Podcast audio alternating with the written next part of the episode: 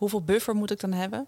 Voor 40% van, van de Nederlanders uh, heeft in ieder geval moeite om zijn financiële huishouden op orde te houden. Geld maakt niet gelukkiger, maar het is wel heel fijn om te hebben. Als je geen geld hebt of geld zorgen, maakt dat echt ongelukkig.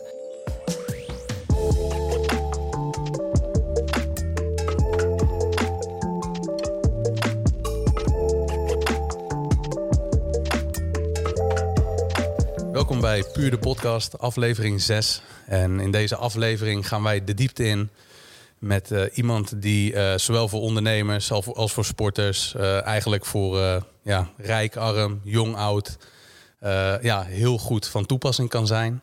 Zo bleek ook wel uit het artikel uit de quote, waar ik jouw artikel tegenkwam. En dat ging over een budgetcoach die mensen helpt die meer dan een ton verdienen. En die toch moeite hebben om elke maand rond te komen, zoals eigenlijk heel veel mensen. En ehm, ja, op die manier uh, heb ik aandachtig het artikel gelezen. Kwam ik uh, ja, jou tegen, Carolien Vos van Budget Buddy, een budgetcoach. En ook van de Geld en Geluk uh, podcast. En zo ben je al even bezig om mensen te helpen met ehm, ja, hun geldzorgen eigenlijk een beetje onder controle krijgen. En, die zijn er nogal, hè, die zich geld zorgen bij mensen. Ja, inderdaad. Nou ja, leuk dat ik in deze podcast nou, mag komen vertellen. Ja, welkom. Ja, dank je. Uh, nee, geldzorgen die zijn er zeker. En uh, nou ja, dat is ook de reden waarom ik mijn bedrijf Budget Buddy ben gestart. Um, en het klopt inderdaad, dat artikel wat je, wat je hebt gelezen. Het gaat niet altijd over mensen die vanuit een bijstandsuitkering uh, niet rond kunnen komen. Hè, want dat is natuurlijk uh, wat je veel hoort. Weinig inkomen en lastig rond kunnen komen. Maar dat gaat ook zeker, of geldt ook zeker voor mensen die, ja, waar voldoende geld binnenkomt maar waar toch elke maand, uh, nou ja, geen geld over is, zo zeg ik het vaak. Of, of, net niet, hè, dat de maand net wat langer duurt dan dat het uh, salaris of de inkomsten binnenkomen. Um, dus dat, ja, daar, daar help ik mensen mee om, ja, ik zeg altijd, slimmer met hun geld om te gaan. Dus een, ja, een hele mooie overstap heb je eigenlijk gemaakt. Hè? Jij bent begonnen als inkoper, manager inkoop van een aantal grote kledingbedrijven. Coolcat, Miss ja. Etam en We Fashion. Ja. Uh, heb je een hele tijd met uh, veel plezier gedaan. Uh, dus jij bent eigenlijk begonnen als ehm, ja, iemand die voor een baas werkte of was ergens in dienst. En vervolgens heb jij de stap genomen om uiteindelijk ja, toch zelfstandig verder te gaan en een soort van verandering van koers in te gaan zetten. Ja. Hoe is dat toen zo gekomen? dat is een lang verhaal. Want hoe kom je van mode in ja, in geldzaken, zou je zeggen. Nou ja, er zijn heel veel overeenkomsten die ik nu in ieder geval wel zie. En de ervaring die ik ook meeneem hè, vanuit mijn, wat, je, wat je zei. Hè, dus je hebt goed je huiswerk gedaan met, vanuit het inkoopvak. Nee, ik heb denk ik zo ongeveer twintig jaar in de inkoop gezeten. Dus um, nou ja, mooie kleertjes ingekocht, om maar zo te zeggen. Uh, als inkoopmanager, inderdaad inkoper, inkoopmanager, ben ik de wereld rond gereisd om nou, mooie collecties te kopen. en met het, met het team, dus ik heb teams aangestuurd. Ik was verantwoordelijk voor in de laatste bedrijven voor 100 miljoen omzet. dus best wel een verantwoordelijke baan, om maar zo te zeggen. Was veel van huis. Um, en dat was ook eigenlijk ook mijn, toen ik klein kind was, was dat ook altijd mijn passie om of tenminste, van als je dan zegt van wat was je droom? Mijn droom was ook echt wel om iets met leuke kleren te doen of met kleertjes. Nou, zo. En zo is dat eigenlijk ook echt wel ontstaan. En ik heb daar dus een hele mooie carrière gemaakt. Uh, maar dat is uiteindelijk gestra ja, gestrand. Nou ja, zo zou ik het niet helemaal noemen. Het is eigenlijk een bewuste keuze geweest hè, met wat ik nu doe. Zal ik zo wat over vertellen. Uh, maar vanuit Viesement. De Schoolcat is in 2019 failliet gegaan heb ik heel nauw uh, ja, begeleid, om maar zo te zeggen. Ja, tot, totdat het uiteindelijk inderdaad failliet Dus ik heb daar heel veel dingen ook van geleerd. Dus naast het uh, natuurlijk gewoon de werkervaring, het coachen van mensen, het omgaan met budgetten, grote budgetten, uh, heb ik heel veel geleerd vanuit die faillissementen, of tenminste vanuit dat faillissement om hè, wat, betekent het nou eigenlijk als je als bedrijf zijn de, rekeningen niet meer kan betalen? En hoe ga je dan om met je leveranciers die, ja, die je wel beloofd had om uh, uh, dat zij kleding voor je konden produceren, maar dat je die rekeningen niet meer kan betalen. Dus die ervaring heb ik inderdaad meegenomen. Ben daarna naar Miss Etam gegaan in een vergelijkbare positie. Um, en ook een vergelijkbare um, afloop, om maar zo te zeggen. Want dat bedrijf is ja, twee keer failliet gegaan. Dus het is failliet gegaan en uiteindelijk in een doorstart alsnog niet ja, gelukt om ja, succesvol door te gaan, zeg maar. En dat was voor mij het moment dat ik dacht, ja, ik, ik wil niet weer mijn energie hierin uh, verliezen. Uh, want ik was al even mijn baan als inkoopmanager eigenlijk een beetje kwijtgeraakt. Dus ik ben um, toen op zoek gegaan van, oké, ik was echt op zoek naar iets waar krijg ik nou nog energie van. En zo ben ik de studie uh, budgetcoaching gaan doen. Eigenlijk naast het werk wat ik toen nog had. Dus ik was toen nog niet zelfstandig. Ik had zelfs niet eens het idee dat ik dat zelfstandig zou doen. Dat dat, dat überhaupt een optie was. Want ik was zo loyaal en nog heel erg bezig met, uh, met mijn andere vak. En toen uh, uiteindelijk het, het bedrijf dus inderdaad voor de tweede keer failliet ging, dacht ik, dit is het moment om het roer om te gooien. En ja, toen ging het zichzelf eigenlijk steeds meer vormen om die budgetcoaching, opleiding, om, daar, om dat in praktijk te brengen. En het ook op mijn manier te doen. En zo ben ik mijn bedrijf Budget Buddy begonnen. In 2020. 2021. 21, net, ja. ja. net. Uh, januari. Ja, ja, ja staat met een jaartje, ja. Precies. Dus ik had al wel dingen uh, in het jaar daarvoor, zeg maar, voorbereid, om maar zo te zeggen, om uh, lekker van start te gaan. Dus zo ben ik eigenlijk begonnen. Heel mooi. Um, wat ik een interessant stukje vind, is de overgang van voor een baas werken naar zelfstandig. Ja. Um, dat zul je misschien ook wel tegenkomen met je klanten, zeg maar. Um, en je hoort het ook heel vaak. Mensen zouden wel de stap willen nemen om zelfstandig uh, te gaan, hè, voor zichzelf te beginnen. Ja. Um, hoe heb je dat toen gedaan? Dat is denk ik wel een hele interessante om te behandelen, om even te bespreken. En ook vanuit jouw positie kun je denk ik wel heel mooi vertellen hoe je dat succesvol kan doen. Want het is Ja. natuurlijk uh, ja, gelukt. Hè? Je bent inmiddels lekker bezig met je eigen bedrijf. Um, hoe heb je dat toen succesvol laten worden, laat ik het zo zeggen. Ah, gewoon je baan opzeggen. That's ja. it. Ja. Dan ben je er gewoon. Nee, dit is heel flauw. Ja. Maar trouwens, ik heb niet eens mijn baan opgezegd. Dat uh, wa- Werd voor jou mij gedaan, ja. helaas. Dus dat is helemaal een, uh, een jammere situatie. Ja. Ehm, nee, dat is heel flauw. Uh, natuurlijk is dat lastig. Eh, lastig omdat je iets achter je laat waarvan je een stuk zekerheid hebt. Uh, voor mij ook. Hè. Ik heb twintig jaar in iets gewerkt en ook nog eens uh, iets totaal anders. Dus dat, moet je, ik, moet dat, ik zeg altijd, je moet wel een beetje ballen hebben om, uh, om dat achter je te laten en ergens in de diepe te springen. En dat is ook wel de reden waar, waarom mensen heel vaak ook blijven zitten waar ze zitten. Hè. Want dat is een stuk veiligheid. Je weet waar je, waar je aan toe bent. Ook al vind je het misschien niet altijd heel leuk. Maar dat is ook het stuk angst waar, waar mensen veel blijven zitten. En ik moet ook eerlijk zeggen, als ik even terugkijk... Uh, um, deze beslissing was voor mij in die zin makkelijker te maken... omdat we een aantal, en dan zeg ik we... en dan bedoel ik even mijn man, mijn man en ik... Uh, een aantal jaren geleden, dan praat je echt over nou, 2017, vier jaar geleden of zo, vijf. Inmiddels, ja. Um, hebben we eigenlijk een soort gelijke uh, beslissing gemaakt, maar dan andersom. Dus mijn man die... Um, werkte uh, voor een werkgever heel lang. Was niet meer happy in zijn, uh, nou, in zijn baan. Hè, dat je thuis komt dat je denkt, nou weet je, leuk, maar het, het, verdient, uh, het verdient lekker. Alleen ik word er gewoon niet echt, ja, niet echt blij van. Krijg de energie er niet van. En dat is het moment waarin wij eigenlijk de beslissing hebben gemaakt. Want die hebben we samen gemaakt. Want ja, dat is nogal een beslissing. Hè, met een hypotheek. De kinderen waren, ik heb twee dochters die waren nog klein. Dus dat is nog wel een beslissing om dan te zeggen, nou, dan zeg ik even mijn baan op en dan uh, begin ik voor mezelf.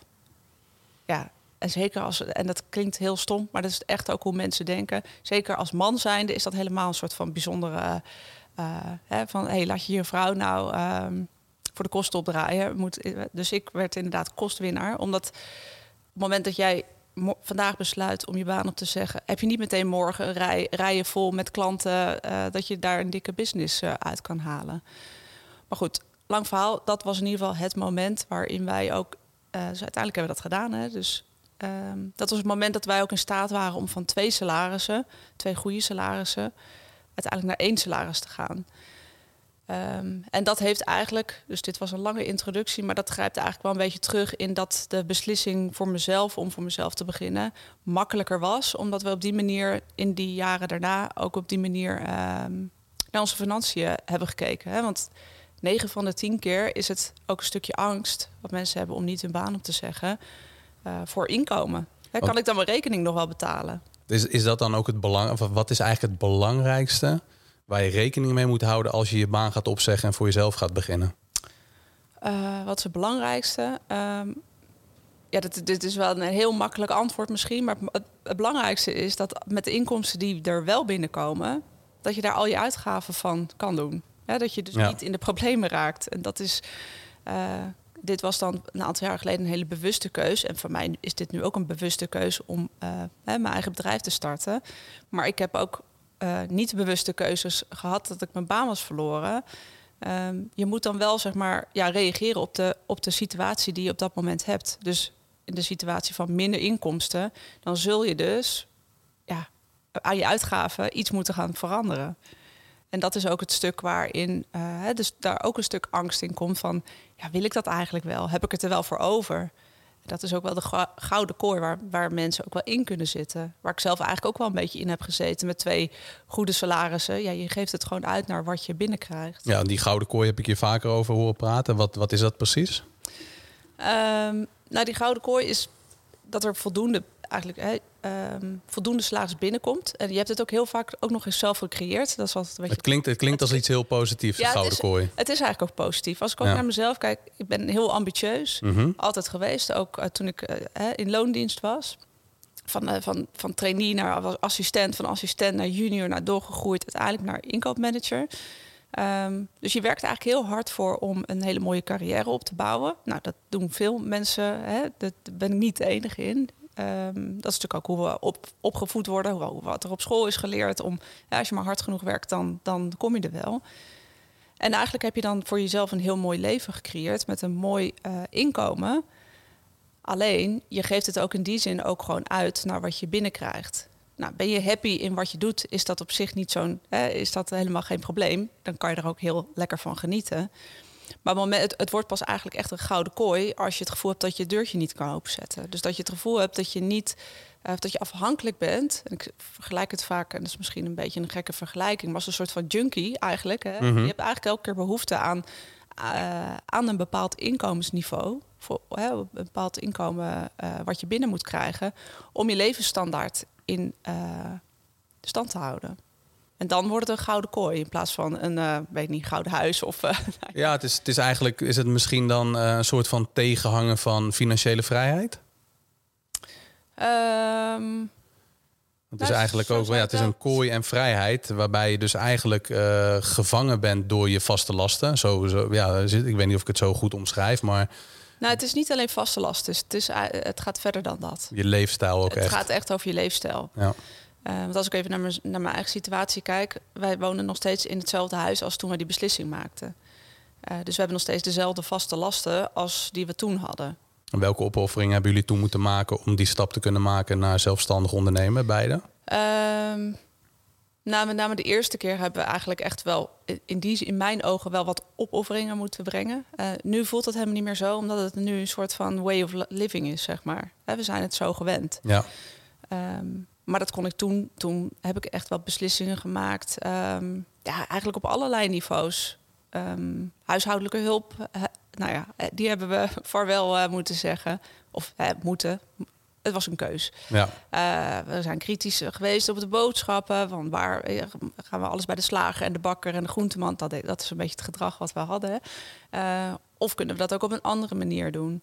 Wat hebben we er meer gedaan? De tijdschriften, abonnementen, kranten opgezegd. Uh, wat we, ja, waar we soms ook wel een beetje van baalden. Van ja, hmm, zo. Uh, onze grootste kosten, of een van de grootste kostenposten was ook de opvang van kinderen. En eigenlijk gaf dat ook meteen een stuk vrijheid. Dus dat hebben we, eh, de kinderen zijn ook uit de opvang gegaan. Dus dat was eigenlijk de deal die ik toen de tijd met mijn man had gemaakt. Van ja, dan, dan is dit, zijn dit consequenties. Dus ja, dat moet, je, dat, dat moet je dan erbij nemen, om maar zo te zeggen. Uh, nou, en daar zijn we ook wel heel creatief in geweest. En dat heeft ons heel veel geleverd uiteindelijk. Maar goed, je moet wel bereid zijn die keuzes te maken. dus dat is ook minder, ja. minder, minder kleding, uh, anders op vakantie. Uh, ja, dat was ook het moment dat we niet, niet ja, minder vaak op vakantie gingen. Niet, niet meer een extra wintersport. Of, en dat is niet om een zielig verhaal op te hangen. Want we zijn elk jaar gewoon nog lekker op zomervakantie geweest. Dus er zijn mensen die daar beroerder bij zitten. Dus, uh, Ervaar je meer geluk nu jullie zelfstandig uh, gegaan zijn? nou, ik, we ervaren meer vrijheid en geluk. Niet zozeer dat we zelfstandig dat we een want we, we werken nu allebei als zelfstandigen. Dat niet zozeer. Maar wel dat we allebei doen wat we heel erg leuk vinden. En op zich heb ik dat, heb ik dat altijd gedaan. Dus voor mij, ik heb een ander, iets andere invliegroute, zeg maar, dan dat mijn man dat had. Hè, die echt niet happy zat in zijn, uh, in zijn werk. maar ik durf wel te zeggen dat we daardoor veel meer ja, rust en balans hebben. En dat we eigenlijk op het moment dat wij allebei gewoon weer volle bak, een volle bak, maar inkomsten hebben, wij kunnen altijd terugvallen op het stuk buffer wat we hebben opgebouwd. En Mhm. in tijden dat wij allebei, zeg maar, uh, dat gaat een beetje af en aan bij ons, zeg maar. Van, uh, dan heeft de een wat meer inkomen dan de ander weer op die manier. Dus een beetje zo'n zo'n uh, tandem waar we in zitten. En dat geeft eigenlijk heel veel rust. Dat altijd een van de twee altijd een mogelijkheid heeft om, ja, om te ontsnappen, zeg maar. Ja. Of om het anders te doen. Ja, maar het is wel mooi. Jullie hebben dat samen gedaan en wel om de beurt, maar de stap genomen, die angst overwonnen. Ja. Om uiteindelijk toch, ja, we hebben dat, dat is misschien ook wel een angst geweest, wat minder, omdat jij natuurlijk met financiën altijd wel vrij goed geweest bent. Je hebt Ja. een behoorlijke portemonnee eh, tot je beschikking gehad voor grote kledingmerken. Ja. Dus voor jou was dat misschien iets minder angstig, maar dat is wel vaak wat mensen tegenhoudt om grote beslissingen in het leven, te maken. Nee, dat is zeker zo. Dus het is eh, angst voor het onbekende, maar het is Mhm. ook zeker ja, tweeledig. Dus de angst voor het onbekende, maar daarnaast ook het stukje voorbereiding. Wat je kan doen uh, om dit soort beslissingen te maken. Ik weet ook zeker dat ik die beslissing, of dat wij die beslissingen toen de tijd niet gemaakt hadden, als ik 0 euro op mijn spaarrekening had staan. Want Dat is wel een belangrijke, denk ik. En in elk geval ook als je bijvoorbeeld in het leven, want dat, dat stukje wat je veel hoort, dus je auto of wasmachine kapot gaat, hè, wat Ja. veel terugkomt, daar moet je geld voor hebben. En dat is Ja. misschien niet ehm, voor mensen genoeg motivatie om dan ook echt wat achter de hand te hebben. Terwijl misschien als jij grote keuzes kan maken en je baan kan opzeggen, ja, dat motiveert misschien wat meer om daarvoor geld aan de kant te zetten. Of misschien een keer een vakantie eh, ja, halverwege het jaar in plaats van in de zomervakantie. Dat zijn wel wat leukere motivaties om geld voor weg te zetten.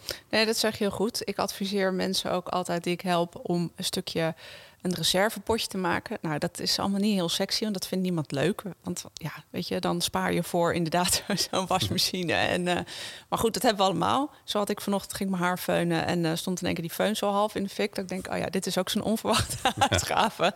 Nou ja, zo. Dan is het wel fijn dat je zo'n uh, onverwacht uitgavenpotje hebt. Maar daar ga je niet uiteindelijk um, je gedrag op aanpassen. Zo zeg ik het eigenlijk altijd. Dat zie ik in ieder geval in praktijk. Van hey, hoezo lukt het nou niet om te sparen? Ja, omdat dat soort potjes niet zo... Ja, die zijn nodig, dat, weet je. Alleen dat, het, het gaat vaak over grotere dingen. Dus op het moment dat mensen ook de kleine dromen hebben... of de kleine doelen neerzetten, spaardoelen...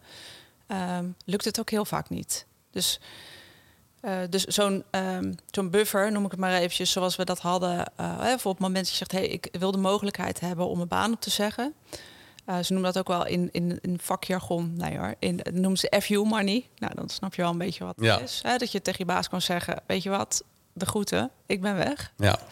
Uh, nou, dat is even een ander potje, maar dat is wel een heel fijn potje om op te bouwen. Hè, als dat je droom is, hè. voor sommige mensen denk ik, nou ja, het zal wel, dat heb ik hem niet nodig. Uh, maar er zijn natuurlijk heel veel doelen waar je um, voor kunt sparen, waar je geld voor opzij kunt zetten. En dat, die, dat verlangen moet eigenlijk groot genoeg zijn wil je in actie komen. Dat is eigenlijk het belangrijkste. Hè? Dat, uh, ja, dat buffertje is niet alleen maar voor die, voor die kleine dingen, maar het geeft je wat meer vrijheid. En ik denk dat heel veel mensen dat nastreven in het leven, is een bepaalde vrijheid. Ja. ja. Um, en, en, en, niet per se die gouden kooi waar je, geen, uh, ja, waar je niet meer uitkomt. Nee, precies. Dat is, ja. nou goed, dat zijn, dat zijn allemaal keuzes die je maakt. En, en sommige mensen vinden het ook prima. Die vinden het ook prima. Er zijn heel, heel veel mensen die gewoon 25 jaar voor dezelfde baas werken. Waarvan ik echt denk, jeetje. En ik ben Ja. heel loyaal. Ik heb ook lang bij werkgevers gezeten. Maar ja, ik ben zelf altijd wel op zoek naar uitdaging en ehm, nou ja, mezelf ontwikkelen. Uh, maar dat is natuurlijk heel persoonlijk. Voor sommige mensen is dat prima om, uh, om zo uh, door te blijven hollen. Maar het is, ja, ik vind het altijd leuk om mensen daar bewust van te maken. En die vraag te stellen van wat wil je nou eigenlijk echt? Leef je nou echt je leven zoals je dat ook echt... Uh, uh, ja, waar, hè, waar je echt blij van wordt. Haal je alles eruit. Ja. ja. Um, nou goed, we hebben het er natuurlijk al even over gehad. Hè. Je stond in de quote um, waarbij jij geïnterviewd werd... Uh, Ja. en mensen helpt die een behoorlijk inkomen uh, heb, hebben... helpt met hun inkomen. Ja. Ehm, maar goed, je helpt meerdere mensen. Niet alleen mensen met een hoog inkomen, ook mensen met een laag inkomen. Hebben veel mensen last van geldproblemen? Jij krijgt natuurlijk niet iedereen over de vloer die last heeft van geld, want dan zou je het heel druk hebben. Nou, ik krijg met name wel mensen met, uh, met een hoger inkomen, om heel eerlijk te zijn. Dus ik, ik, ik uh, heb me in die zin daar, ook wel in gespecialiseerd. Omdat ik ook echt wel geloof dat op het moment dat je geld zorgen, dat, dat, dat gooi je heel vaak over één, op één hoop. Maar het, maar het heeft echt ook wel te maken met, uh, daar ben ik ook eerlijk in, van wat heb je te besteden en wat komt er binnen. Het moment dat je inderdaad um, uh, een modaal inkomen verdient of, of daaronder, uh, ja, dan kan ik wel heel leuk zeggen, ja, maar dan moet je even goed kijken naar al je variabele uitgaven en het eten en de kapper en, en huishoudelijke hulp en dat soort dingen. Maar daar gaat het heel vaak helemaal niet over. Hè? Dus dat is al omdat misschien vaste lasten al te hoog zijn. Terwijl ze misschien niet eens in een, in een super, super huis wonen. Dus uh, waar mensen tegenaan lopen, dat zijn verschillende problemen. Uh, dus ik heb me in die zin ook wel echt gespecialiseerd in. Uh, nou, dat is wat je in de quote had gelezen: hè? De, de, de, de 100 k ja. verdieners. hoeft niet per se dat bedrag te zijn, maar in ieder geval, maar, hè, er ja. komt voldoende binnen. Um, dus dat zijn inderdaad de mensen die ik nou ja, veel over de vloer krijg. Uh, om inderdaad te helpen. En wat, wat zijn dan veel, hè, het zijn best wel wat mensen die in Nederland last hebben van geldproblemen. Ja, nou ja, zo rond de 40 procent. Of ik, ik weet niet of dat echt geldproblemen zijn, maar in ieder geval 40 procent van, van de Nederlanders uh, heeft in ieder geval moeite om zijn huishoudelijke, of tenminste zijn financiële huishouden op orde te houden. Ja, dat is gewoon echt wel heel erg shocking. Hè? Dus dat is gewoon bijna de helft van Nederland ja, die zich daar of niet, niet altijd bewust van is. Uh, maar in ieder geval, het is niet altijd onder controle. Het is uh, gewoon een troep in huis, om maar zo te zeggen. En, ja, de, de, ja, de problemen die jij tegenkomt als zijnde... je hebt natuurlijk veel mensen, krijg jij over de vloer, die geldproblemen hebben. Ja, wat zijn dan dingen die jij tegenkomt? Hè? Want door het gebrek aan scholing eigenlijk op de lagere school... en misschien ook wat gebrek aan kennis van ouders, hoe je dus echt succesvol met geld omgaat. Ja, precies. Dat, dat miste natuurlijk een beetje. Maar wat, wat zijn dan dingen waar je tegenaan loopt in de, in de praktijk dat je zegt van ja, dit komt eigenlijk altijd wel naar voren. Dit is waar mensen vaak tegenaan lopen en zo gaan we dan. Nou ja, waar, waar ik zie dat mensen veel tegenaan lopen, is dat ze het uiteindelijk niet klopt. Er is gewoon geen controle, er is geen grip. Dus ze weten niet precies wat ze. Hè, vaak als ik vraag wat komt er binnen, krijg ik daar eigenlijk altijd wel een antwoord op. Dat weten mensen heel, uh, hè, daar, zijn daar ben je trots op en dat wil je heel graag uh, vertellen. Uh, bij ondernemers is dat trouwens echt altijd wel wat ingewikkelder. En daar praat ik zelf ook uit ervaring. Van wat hou je nou uiteindelijk over hè, van, een, van een hele mooie omzet? Uh, dat weet ik eerlijk gezegd ook nog steeds niet precies. Want ja, hoeveel gaat er naar de belasting en hoe met die kosten? En uh, nou, dat is dan een soort van ingewikkeld verhaal. Maar goed, even de ondernemers dat terzijde. Het inkomen weten we vaak wel. Vaste lasten gaat ook nog wel. Maar variabel, als ik mensen vraag, wat geef je dan uit aan boodschappen? Wat geef je dan uit aan kleding? Of wat geef je dan uit aan... Uit eten? Uh, uit eten. Nou, zo zijn natuurlijk nog tal van dingen te bedenken. Uh, dat overzicht is er 9 van de 10 keer niet. En dan zou je zeggen, ja, dat is heel simpel. Dat schrijf je gewoon even op. Um, maar ja, zo simpel is het niet altijd. En daar hoef je niet per se um, dom voor te zijn. En ik zeg dat nee. expliciet even erbij, omdat heel veel mensen, en zeker op het moment dat er voldoende inkomen binnenkomt of voldoende omzet, ja, dan, gaat men, dan gaat men ervan uit dat je ook op financieel vlak uh, goed onderlegd bent, bent. En dat dat dan ook wel zo zou zijn. Hè? Dat je dat ook wel goed onder controle hebt. Maar je hebt mensen die uh, goed zijn in de talen bijvoorbeeld. En je hebt mensen die goed zijn in, in rekenen. Uh, en niet iedereen, is, niet iedereen kan dat. Ja, er zit nog best wel een taboe op, uh, op geldproblemen. Het zijn uh, niet dingen die mensen graag bespreken op een verjaardag van hey, uh, hoeveel schulden heb jij nog? Of wat voor dingen, wat voor geldproblemen loop jij tegenaan? Nee, en dat speelt denk ik heel erg mee in, in, in de vraag van hey, waar, loop, waar lopen mensen tegenaan? Is dat ze het ook niet delen. Hè, dus dat, dat, dat schaamte en taboe, dat, dat herken ik heel erg. En juist inderdaad op het moment dat er hè, wel mooie spullen staan, uh, er genoeg inkomen is, uh, die dure vakanties worden ja. geboekt. Ja, dan, dan ga je niet doorvragen. Vanuit de buitenkant ziet dat natuurlijk fantastisch uit. en mensen gaan er niet doorvragen, joh, heb jij het financieel wel op orde? Nee, want we meten heel vaak iemands succes of iemands waarde. Hè, van oh, iemand heeft het goed voor elkaar. eh, vanuit de bezittingen die ze hebben of de dingen die ze doen. Maar dat zegt niks over. Ja, dat is ook zo'n klassieke uitspraak. Elk huisje is een kruisje. Maar dat geldt hier natuurlijk ook wel. Van ja, wat speelt er dan eigenlijk precies? En ja, daar wordt heel vaak niet over gepraat. Ja, tot het moment dat het inderdaad of al te laat is. Of uh, dat je toch denkt, ja shit, ik, ik wil dit niet meer. Ik heb hier ook inderdaad gewoon echt zorgen over. Omdat er inderdaad geen geld over is. Ja. Ehm, of hè, ik heb nu een lekker leven, maar ja, ik blijf dus elke keer in die soort van red race rennen. Hoe ziet de toekomst eruit? Um, ja, dat, dat is eigenlijk het moment waarin mensen aan de bel trekken.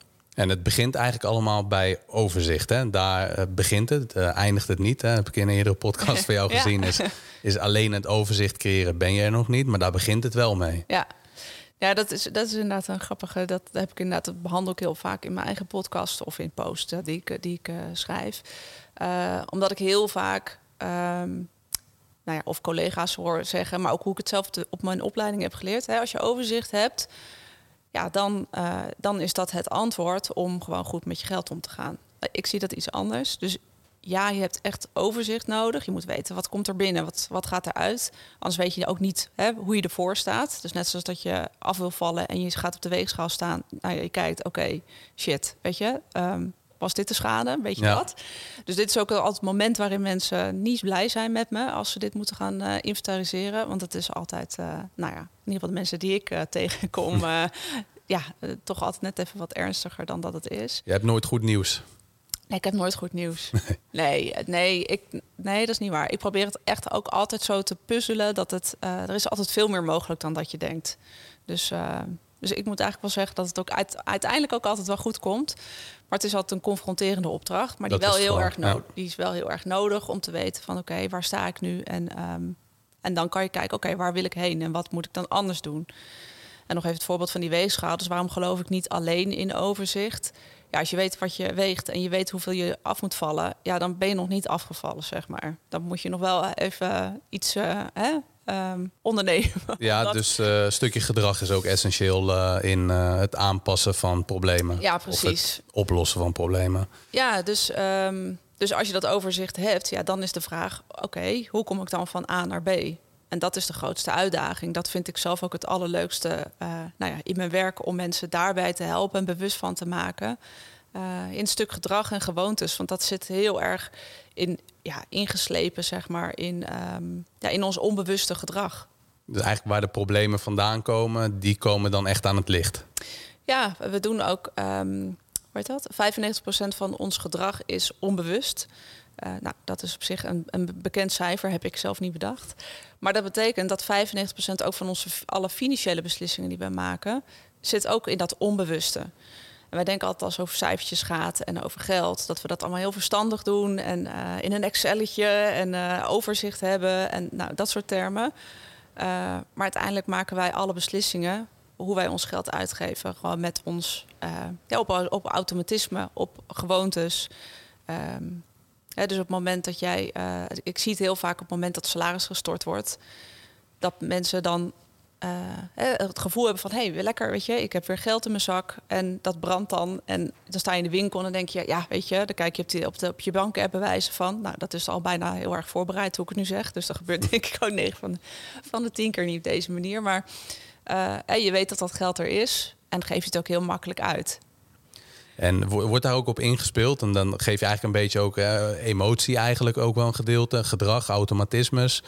Er wordt natuurlijk ook best wel op ingespeeld door bedrijven die zeggen van... hey, Black Friday of uh, voor andere sales die continu uh, ja, via social media natuurlijk voor, ja, voorgeschoteld worden. Waardoor het ook steeds moeilijker wordt om bewust dat tegen te gaan. Om echt te zeggen van wacht even, als ik wat koop... dan denk ik er bijvoorbeeld minimaal 24 uur of, ja. of, een week over na. Zou dat kunnen helpen? Nee, dat kan zeker helpen. Uh, en ik moet een beetje lachen, omdat ik bijna 20 jaar, uh, ik zeg altijd, mensen verleid heb om uh, geld uit te geven. En nu help ik ze om die verleidingen tegen te gaan. Dus dat ja, was onderdeel van het probleem. ja, eigenlijk wel. Het is een beetje tegenstrijdig. Nee, ik, ik, ik hou ook nog steeds van leuke dingen kopen. Dus ik ben ook niet uh, roomser dan de, dan de pauze, zeg maar. Uh, maar dat, je, je wordt de hele dag word je verleid, of kom je in de verleiding, uh, ja, om allerlei dingen te kopen, eten te bestellen, nou, noem het maar op. En dat is natuurlijk voor iedereen anders waar je verleidingen liggen. Um, en daar zijn, ehm, daar zijn daar trucjes voor, laat ik het zo zeggen, om, uh, ja, om dat gedrag ook aan te passen. Want dat zit heel erg in de gewoontes. Hè? Dus ook wat ik net zei, van hey, het moment dat je in de winkel staat en je hebt net je salaris uh, gekregen, dat is een soort van gewoonte of een patroon kan dat uh, zijn. Hè? En ik zie het eigenlijk 9 van de 10 keer gebeuren bij, bij mensen. Um, dat je dan um, meer geld uit gaat geven. Totdat het week 3, week 4 van de maand is.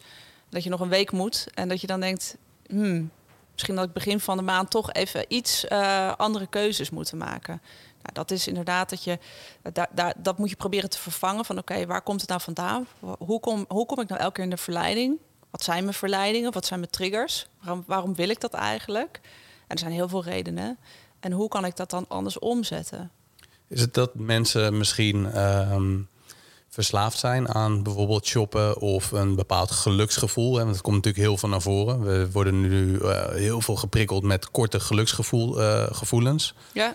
Even op je telefoon kijken, uh, snacks bijvoorbeeld, online shoppen. Dat zijn allemaal dingen die voor wat dopamine zorgen. En waar we toch wel aan verslaafd zijn. Is dat dan ook echt waar het probleem ligt bij shoppen? Is dat ook iets waar je rekening mee moet houden en bewust van moet zijn als je dat gevoel hebt en die drang om iets te kopen? Wat kun je dan doen om dat tegen te gaan en om ja, dat dan te voorkomen? Of in ieder geval niet in die verleiding te trappen of een soort van val. Ja. Om iets te kopen waar je misschien een dag later spijt van hebt? Of... Nou, ik heb er niet één antwoord op, maar om je eerste vraag te beantwoorden: van, is het een verslaving? Ja, het kan een verslaving zijn. Er zijn ook echt mensen die daar behandeld voor worden. Uh, of in behandeling moeten, zeg maar. Uh, het is misschien wel heel extreem. Uh, dat, dat, mensen echt in de problemen, echt in de grote problemen komen door uh, door dat shoppen. Maar het is, ik zei het al eerder in de podcast, hè, het, is, het is als een soort junkie die hè, elke keer een shotje nodig heeft. En dat geldt hier met shoppen in, in die zin inderdaad ook. Dus je hebt het inderdaad goed dat dat met shoppen net zo is dat, je, hè, dat daar een geluksstofje wordt vrijgemaakt in je hersenen. Dat geeft je een goed gevoel en dat geeft je een fijn gevoel. en dat geeft ook weer nog een keer een bevestiging om dat hè, de volgende keer weer op die manier te doen. Nou, en dan nogmaals, winkels, uh, social media, ja, die spelen daar natuurlijk gewoon continu op in. Om jou maar elke keer weer dat stofje, of tenminste dat je die bevestiging zoekt. En daar zijn in die zin, ja, er is ook niet één antwoord op van wat kan je daar dan tegen doen. Het, ik analyseer met mensen altijd, oké, wat, wat is je gedrag en wat zijn je patronen? Het klinkt allemaal heel simpel, maar dat, dat moet je soms echt wel helemaal afbellen om te weten: oké, wat doe ik nou eigenlijk? Hè? Waar liggen nou eigenlijk mijn verleidingen? En het kan zijn dat je, dan geef ik even een simpel voorbeeld, maar uh, na een hele drukke dag, het, ik, ik, zie ook veel mensen die, uh, die ik help, die allemaal een drukke, intensieve baan hebben. Uh, die zijn eigenlijk, maar dan verklap ik eigenlijk al het antwoord. Nee, dus dat ga ik nog niet zeggen. nee, die komen thuis, hè, een, een, een dag druk, druk gewerkt. Die ploffen op de bank, die pakken hun telefoon. Nou, dan kom je dus allerlei leuke dingen tegen. Um, hè, en alle apps, alles wordt natuurlijk allemaal super makkelijk voor ons gemaakt. Je hoeft echt uh, maar op één knop te drukken en je hebt je winkelmandje gevuld. Nou, dat is een patroon wat je kan hebben, uh, waardoor je dus inderdaad dingen gaat kopen. Nou, en met online shoppen is dat eigenlijk nog veel gevaarlijker dan uh, fysiek naar de winkel. Want dan kan je nog zeggen, ja, weet je, bouw voor jezelf een drempel in om niet naar die winkel te gaan. Maar ja, online, weet je, dat uh, je, je, je telefoon zitten we tegenwoordig allemaal vastgeplakt. Daar kan je bijna niet meer omheen. Um, en hoe kan je dat vervangen? Nou, de trigger is uiteindelijk hè, van wat is nou waarom je nou die telefoon pakt en dat gaat kopen. Heb je het echt nodig? Um, verveling. Verve verveling, ja. Dus het is, het is vaak verveling. En ook op, uh, waar ben je nou uiteindelijk naar op zoek? Nou, uiteindelijk, als je dat gaat afbellen, is het heel vaak een stuk ontspanning en een stukje vrijheid wat mensen zoeken. He, vanuit de, de drukte van de, de stressvolle baan, de drukte van de dag, even dat moment van, weet je zo. En dat is dus inderdaad het moment dat die dopamine ook vrijkomt. Uh, dus eigenlijk is de behoefte niet zozeer iets kopen. De behoefte is eigenlijk, ik, ik uh, voel me benauwd of ik voel me hè, gestrest. Ik wil eigenlijk gewoon ontspannen. En dan stel ik heel vaak de vraag: oké, wat zijn dan nog meer dingen? Als, als, het, als dat het is, hè, als het ontspanning is, wat zijn voor jou nog dingen die uh, jou ontspanning geven? Hè, dus bel een vriend of bel een vriendin, maak een wandeling of ga sporten. neem een bad. nou ja, we gaan een boek lezen. Whatever. Er zijn natuurlijk duizend dingen te bedenken die, die niet per se altijd geld hoeven te kosten. Die je moet vervangen. Dus ik zeg altijd, weet je, om je oude of je slechte gewoontes maar af te leren, zul je het ook moeten vervangen door nieuwe gewoontes. En dit klinkt ook weer heel simpel. Maar als je dit vaak doet, hè, dat je hier routine in krijgt, dat je bewust van bent, dat je eigenlijk je, jezelf de vraag stelt: waarom doe ik dit eigenlijk? Uh, ja, dan kan je het op die manier vervangen. En eigenlijk, als je kijkt ook naar gewoontes, hoe makkelijker uh, je toegang hebt tot al deze dingen, ja, hoe moeilijker het is ook om het af te leren. Dus probeer je oude gewoontes altijd zo moeilijk mogelijk te maken. Dus haal letterlijk, schrijf je uit voor de nieuwsbrieven, gooi die apps eraf. Ehm, nou ja. En wees bewust dat dat dus gebeurt. Dat is denk ik ook een mooie, waar je een heel mooi stukje bewustzijn zojuist creëert. Ja. Is wat er dus gebeurt. Je komt thuis, lange dag werken. Heel veel mensen zullen dat herkennen. Even ontspannen, even die telefoon. Je zit op Facebook en in één keer boem. Je favoriete kledingmerk eh, heeft toevallig uitverkoop. En dat is natuurlijk niet toevallig, want zij zoeken echt op jou. Zij zoeken jou. Ja, ja. Ze komen je nog net niet thuis. Ja, precies. Dus ik denk dat dat heel belangrijk is. Dat je daar al bewust van bent dat dat gebeurt. Dan weet je ook van oké, ik heb vandaag hard gewerkt. Pas op, want uh, vanavond uh, wacht jouw favoriete kledingmerk op jou op Facebook toevallig. Ja.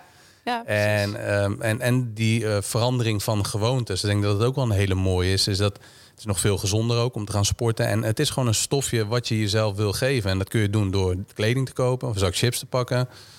Of je kan zeggen van nou weet je wat, ik ga vanavond gezond koken. Kun je ook heel blij van worden. Als je een lekker, lekker gerecht maakt. Lekker eten. S'avonds geen sporten. En dan heb je eigenlijk hetzelfde resultaat. Dan is dat die behoefte is ook ingevuld. Nee, precies. En dat, dat uh, ja, wat ik zei, dat heeft tijd nodig. Dus ook als, als ik weer kijk naar mijn eigen situatie, een paar jaar geleden. Uh, het is niet alleen maar dat we op een aantal dingen bespaard of bezuinigd hebben. Want dat zeg ik ook heel vaak. Ja, je, je kan natuurlijk op heel veel dingen besparen en bezuinigen. Maar het gaat er uiteindelijk om om ook dit soort dingen te analyseren. Hè, waar komt mijn gedrag vandaan? Uh, en waarom doe ik dat dan eigenlijk? En is het dan uiteindelijk nodig? Dus ik werk ook vaak zelf met, met klanten ook met checklistjes. Die heet to buy or not to buy. Hè, van wanneer, uh, wat, wat triggert je nou? En um, nou, hoe kan je dat inderdaad zelf omzetten? Um, en nieuwe gewoontes daarin creëren. Dat zijn eigenlijk, uh, als we zo um, een beetje een kleine opsomming maken van wat we nu uh, hebben behandeld, is, is, sparen om eventueel situaties te kunnen opvangen. Zoals een baan kunnen opzeggen, een keertje ja. extra op vakantie of uit eten eventueel is, is dat eigenlijk heel belangrijk. Uh, overzicht creëren. Ja. Um, en met dat overzicht, dan kun je dat natuurlijk ja, een beetje ouderwets in een Excel-sheet doen. Sommige mensen die zweren daarbij en sommige mensen die willen daar helemaal niks van weten. En daarvoor heb je ook twee mooie apps, hè, dacht ik, uh, die ja. te gebruiken zijn. Ja. ja, er zijn er volgens mij tal. Maar in ieder geval die ik vaak adviseer is de, is de GRIP-app. Dus van ABN. Volgens mij kan je daar ook andere rekeningen aan hangen. Uh, en Dime of Diem, ik Dime ja, volgens mij, ik weet Dime niet het, ja, ja, ja, precies. Uh, en die categoriseert, uh, die, die um, verzamelt eigenlijk al je gegevens vanuit je bankgegevens, dus al je inkomsten en uitgaven. En met name ook dat stuk uitgaven, met name op variabel. ik vind die apps zelf niet het antwoord voor overzicht. Dat pretenderen ze wel, maar dat, dat ben ik niet helemaal mee eens. Maar je kan daar wel al heel ver mee komen. als je bijvoorbeeld echt geen idee hebt wat jij aan bepaalde dingen uitgeeft. Hè. Dus vaste lasten gaat dan vaak nog wel. Uh, dat is elke maand hetzelfde vaak.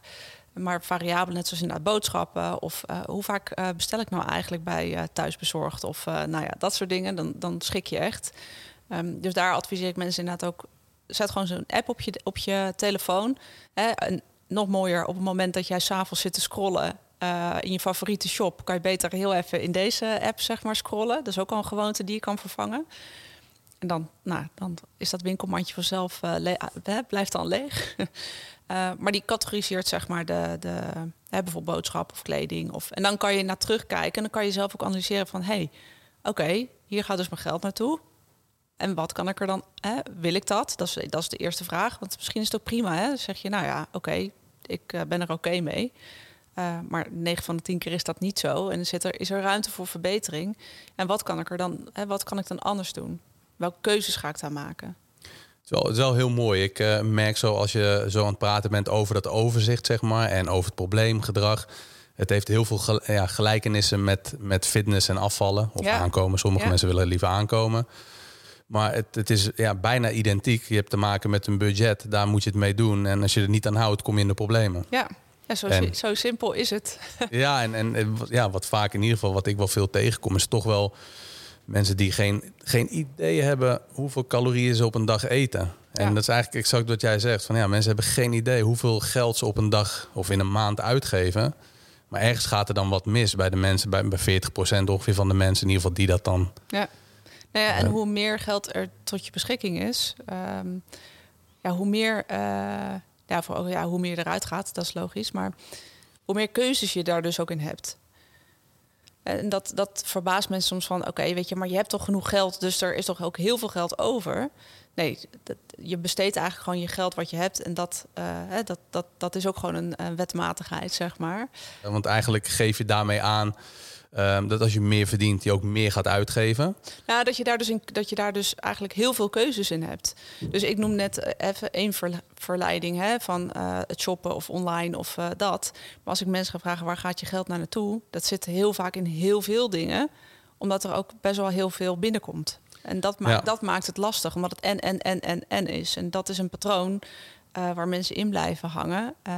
ja, en dan is het lastig om daar nou ja, keuze, een soort van keuzestress van oké, wat vind ik dan eigenlijk echt belangrijk? Want we vinden alles belangrijk. En dat kan ook alles op het moment dat er veel binnenkomt. Ja, en er is meer overzicht nodig. Omdat je natuurlijk ook, ja, als je meer gaat verdienen, dan ga je datgene kopen wat je eigenlijk al die tijd al wilde. Of uh, misschien wel een schoonmaker, een schoonmaakster in huis of schoonmaker. Uh, die vakantie of een keer naar het restaurant waar je heen wilde gaan. En dan kom je ook bij het volgende onderwerp, leefstijlinflatie. Daar heb je het ook veel over gehad. Ja. Um, kun je uitleggen wat dat inhoudt? Uh, heeft misschien een beetje met die gouden kooi te maken. Maar mm -hmm. uh, nou ja, kijk, op het moment, het is eigenlijk een soort van, uh, hoe dat? In deze podcast kan je het niet zien. Ik praat altijd veel met mijn handen. maar het is eigenlijk een soort van cirkeltje waar je in zit. Op het moment dat je, wat ik al net een beetje uitlegde, van het moment dat je bijvoorbeeld een carrière maakt of dat je meer gaat verdienen. nou, 9 van de 10 als je net van school komt, hè, dan heb je een ander salaris dan als je 40, 40 bent. Nou, tenminste, 9 van de 10 mensen in ieder geval wel. Dus je gaat eigenlijk steeds meer verdienen. Dus dat is ook heel fijn. Maar wat er gebeurt is dat er ook automatisch eigenlijk, of je dat nou wilt of niet, dat er ook meer geld uitgaat.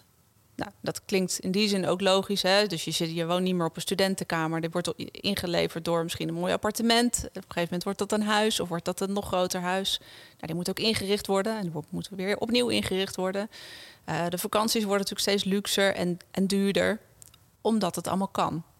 En voor je het weet, zit je dus eigenlijk, dus hè, dat ratje waar ik het over had, zit je eigenlijk een soort van klem. Want op het moment dat je dus net zoveel uitgeeft als dat er net zoveel binnenkomt, ja, dan blijft er absoluut eigenlijk hetzelfde bedrag over. Uh, en blijf je dus inderdaad ja, rennen en uh, heb je dus elke keer behoefte om uh, ja, meer geld eigenlijk binnen te halen om maar dat te kunnen uitgeven wat je wilt. Dus die leefstijl in, dat, in stand te houden heel vaak stel ik stel ook heel vaak de vraag hè, van oké, dit is de situatie. Wat denk jij zelf dat het antwoord is? Of hoe je het, um, hè, hoe je die, hoe je eruit kan komen? Meer verdienen. Ik, ja, ik moet gewoon meer salaris krijgen. En dan dat is het antwoord op het probleem. Zeg, hoe lang zit je al in deze situatie? Ja, uh, vijf, tien jaar misschien. Ja, nou, eigenlijk heb ik er eigenlijk altijd wel last van gehad. Ja, dus en was, was je salaris, is dat naar beneden gegaan of omhoog gegaan? Nee, dat is omhoog gegaan. Ja, dus ik zeg, dat is dus niet het antwoord. Omdat je dus elke keer, op het moment dat je meer salaris krijgt, je uitgaven daar elke keer weer, ja, ik, ik zeg vaak een, een upgrade geeft. Hè. Je geeft jezelf eigenlijk steeds meer luxe. Uh, dus dat is niet het antwoord om uiteindelijk geld over te houden. En, en, dat, en dat noemen ze met een mooi woord uh, leefstijlinflatie. Ja, dus meer verdienen, meer uitgeven. Daar komt het een beetje op neer. Ja. Um, om dat probleem uh, tegen te gaan, is dan weer het stukje overzicht creëren belangrijk. Kijk ook van oké, okay, wat vind je belangrijk om dan als je meer gaat verdienen, uh, ja, aan daan uit te geven. En dan heb je nog een stukje ook van oké, okay, houd dat overzicht weer up-to-date. Want dat verandert natuurlijk ook, ja, misschien wel elke week of elke maand. Dus dat je ja, je, je vaste lasten blijven redelijk hetzelfde. Maar goed, is toch ook weer Ziggo, Netflix en dergelijke. Alles wordt duurder. Eh, de benzineprijzen zijn behoorlijk gestegen. Um, de boodschappen worden duurder. Eh, gas, water, licht wordt duurder. Is het dan ook echt belangrijk om elke week of ja, elke maand een nieuw overzicht te maken en ook opnieuw doelen te bepalen voor jezelf? Nou, het zijn eigenlijk twee verschillende dingen. Uh, Het antwoord op leefstijlinflatie is niet per se overzicht. Want zelfs als je overzicht hebt, dan kan je nog steeds leefstijlinflatie uh, hebben, zeg maar. Uh, dus als ik even kijk weer naar mijn eigen situatie. Op het moment dat wij van één salaris weer teruggingen naar twee goede salarissen, hadden wij twee dingen kunnen doen. Weer terug bij af, zeg maar. Alles uitgeven wat er binnenkwam. Maar dat hebben we niet gedaan. Uh, dus we zijn eigenlijk gewoon op dezelfde voet uh, doorgegaan met onze uitgaven. Waardoor we dus eigenlijk nog meer, een periode, nog meer opzij konden zetten. Uh, dus dan doorbreek je dus eigenlijk die cirkel. Dat is eigenlijk het belangrijkste. Ja, het is wel, wel mooi inderdaad. Want ja, je, je gaat weer met die 95% uh, onbewust zijn ja. aan de slag. Zoals je eigenlijk altijd doet. Ja. Terwijl je moet af en toe gewoon even gewoon uit je eigen leven soort van stappen. En uh, vanuit de helikopterview naar beneden kijken. En even stoppen en zeggen van oké, okay, waar ben ik nu eigenlijk mee bezig? Waar werk ik naartoe? Is die vrijheid, want veel mensen streven financiële vrijheid na. Uh, hè, ben ik ja. nog op de goede weg? En is het niet zo dat je hè, uiteindelijk uh, ja, meer vrijheid wilde, maar uiteindelijk doordat je met geldproblemen alleen maar harder moet gaan werken, alleen maar meer stress ervaart? Ja. Nou ja, dus dat is inderdaad, um, nou ja, dat, dat, dat zijn eigenlijk de knopjes waar je, waar je aan kan draaien. Uh, en dat zijn uh, in die zin natuurlijk niet altijd hele populaire keuzes die je maakt, of tenminste.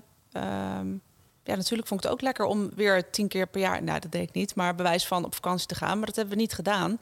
Waardoor deze keuze, hè, dat ik weer voor mezelf ben begonnen, vele, nog vele malen, nou niet dat die eerste keuze was niet makkelijk. Deze keuze was eigenlijk best wel heel makkelijk omdat we dus in de tijd dat we uh, twee salaris hadden en een deel hadden weggezet. Van, uh, we waren gewend om vanuit één salaris te leven. ja, je, dus je creëert het eigenlijk in die zin kan je veel zelf creëren. Hè, op het moment, dus dat geldt niet voor iedereen. Hè, dus op het moment dat je, dat je um, een laag salaris hebt en dan denk je misschien bij deze podcast, ja, dat is allemaal leuk en aardig, maar we hebben echt twee salarissen nodig om onze vaste last te kunnen, te kunnen betalen. Dan gaat deze vliegen natuurlijk niet helemaal uh, op. Hè, zo realistisch ben ik ook wel weer.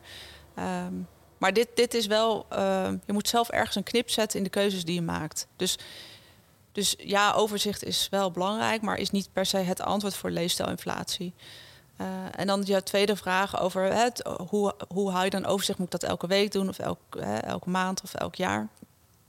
Eigenlijk adviseer ik op verschillende momenten check je verschillende dingen van je financiën.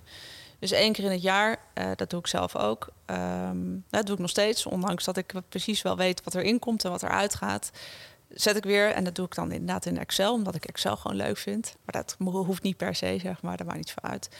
Uh, alles weer even op een rijtje van oké, wat verwachten we? Hè, dan kijk ik altijd vooruit. Wat verwachten we aan inkomsten? Wat verwachten we aan uitgaven? Nou, en dat is altijd een beetje jammer, maar op de een of andere manier de vaste lasten gaan elk jaar omhoog. dus het blijft altijd minder over. Uh, en hoe, hè, wat, nou ja, vakanties of dingen. Dus we maken eigenlijk een soort van financiële planning. Een soort van bedrijf bij ons thuis.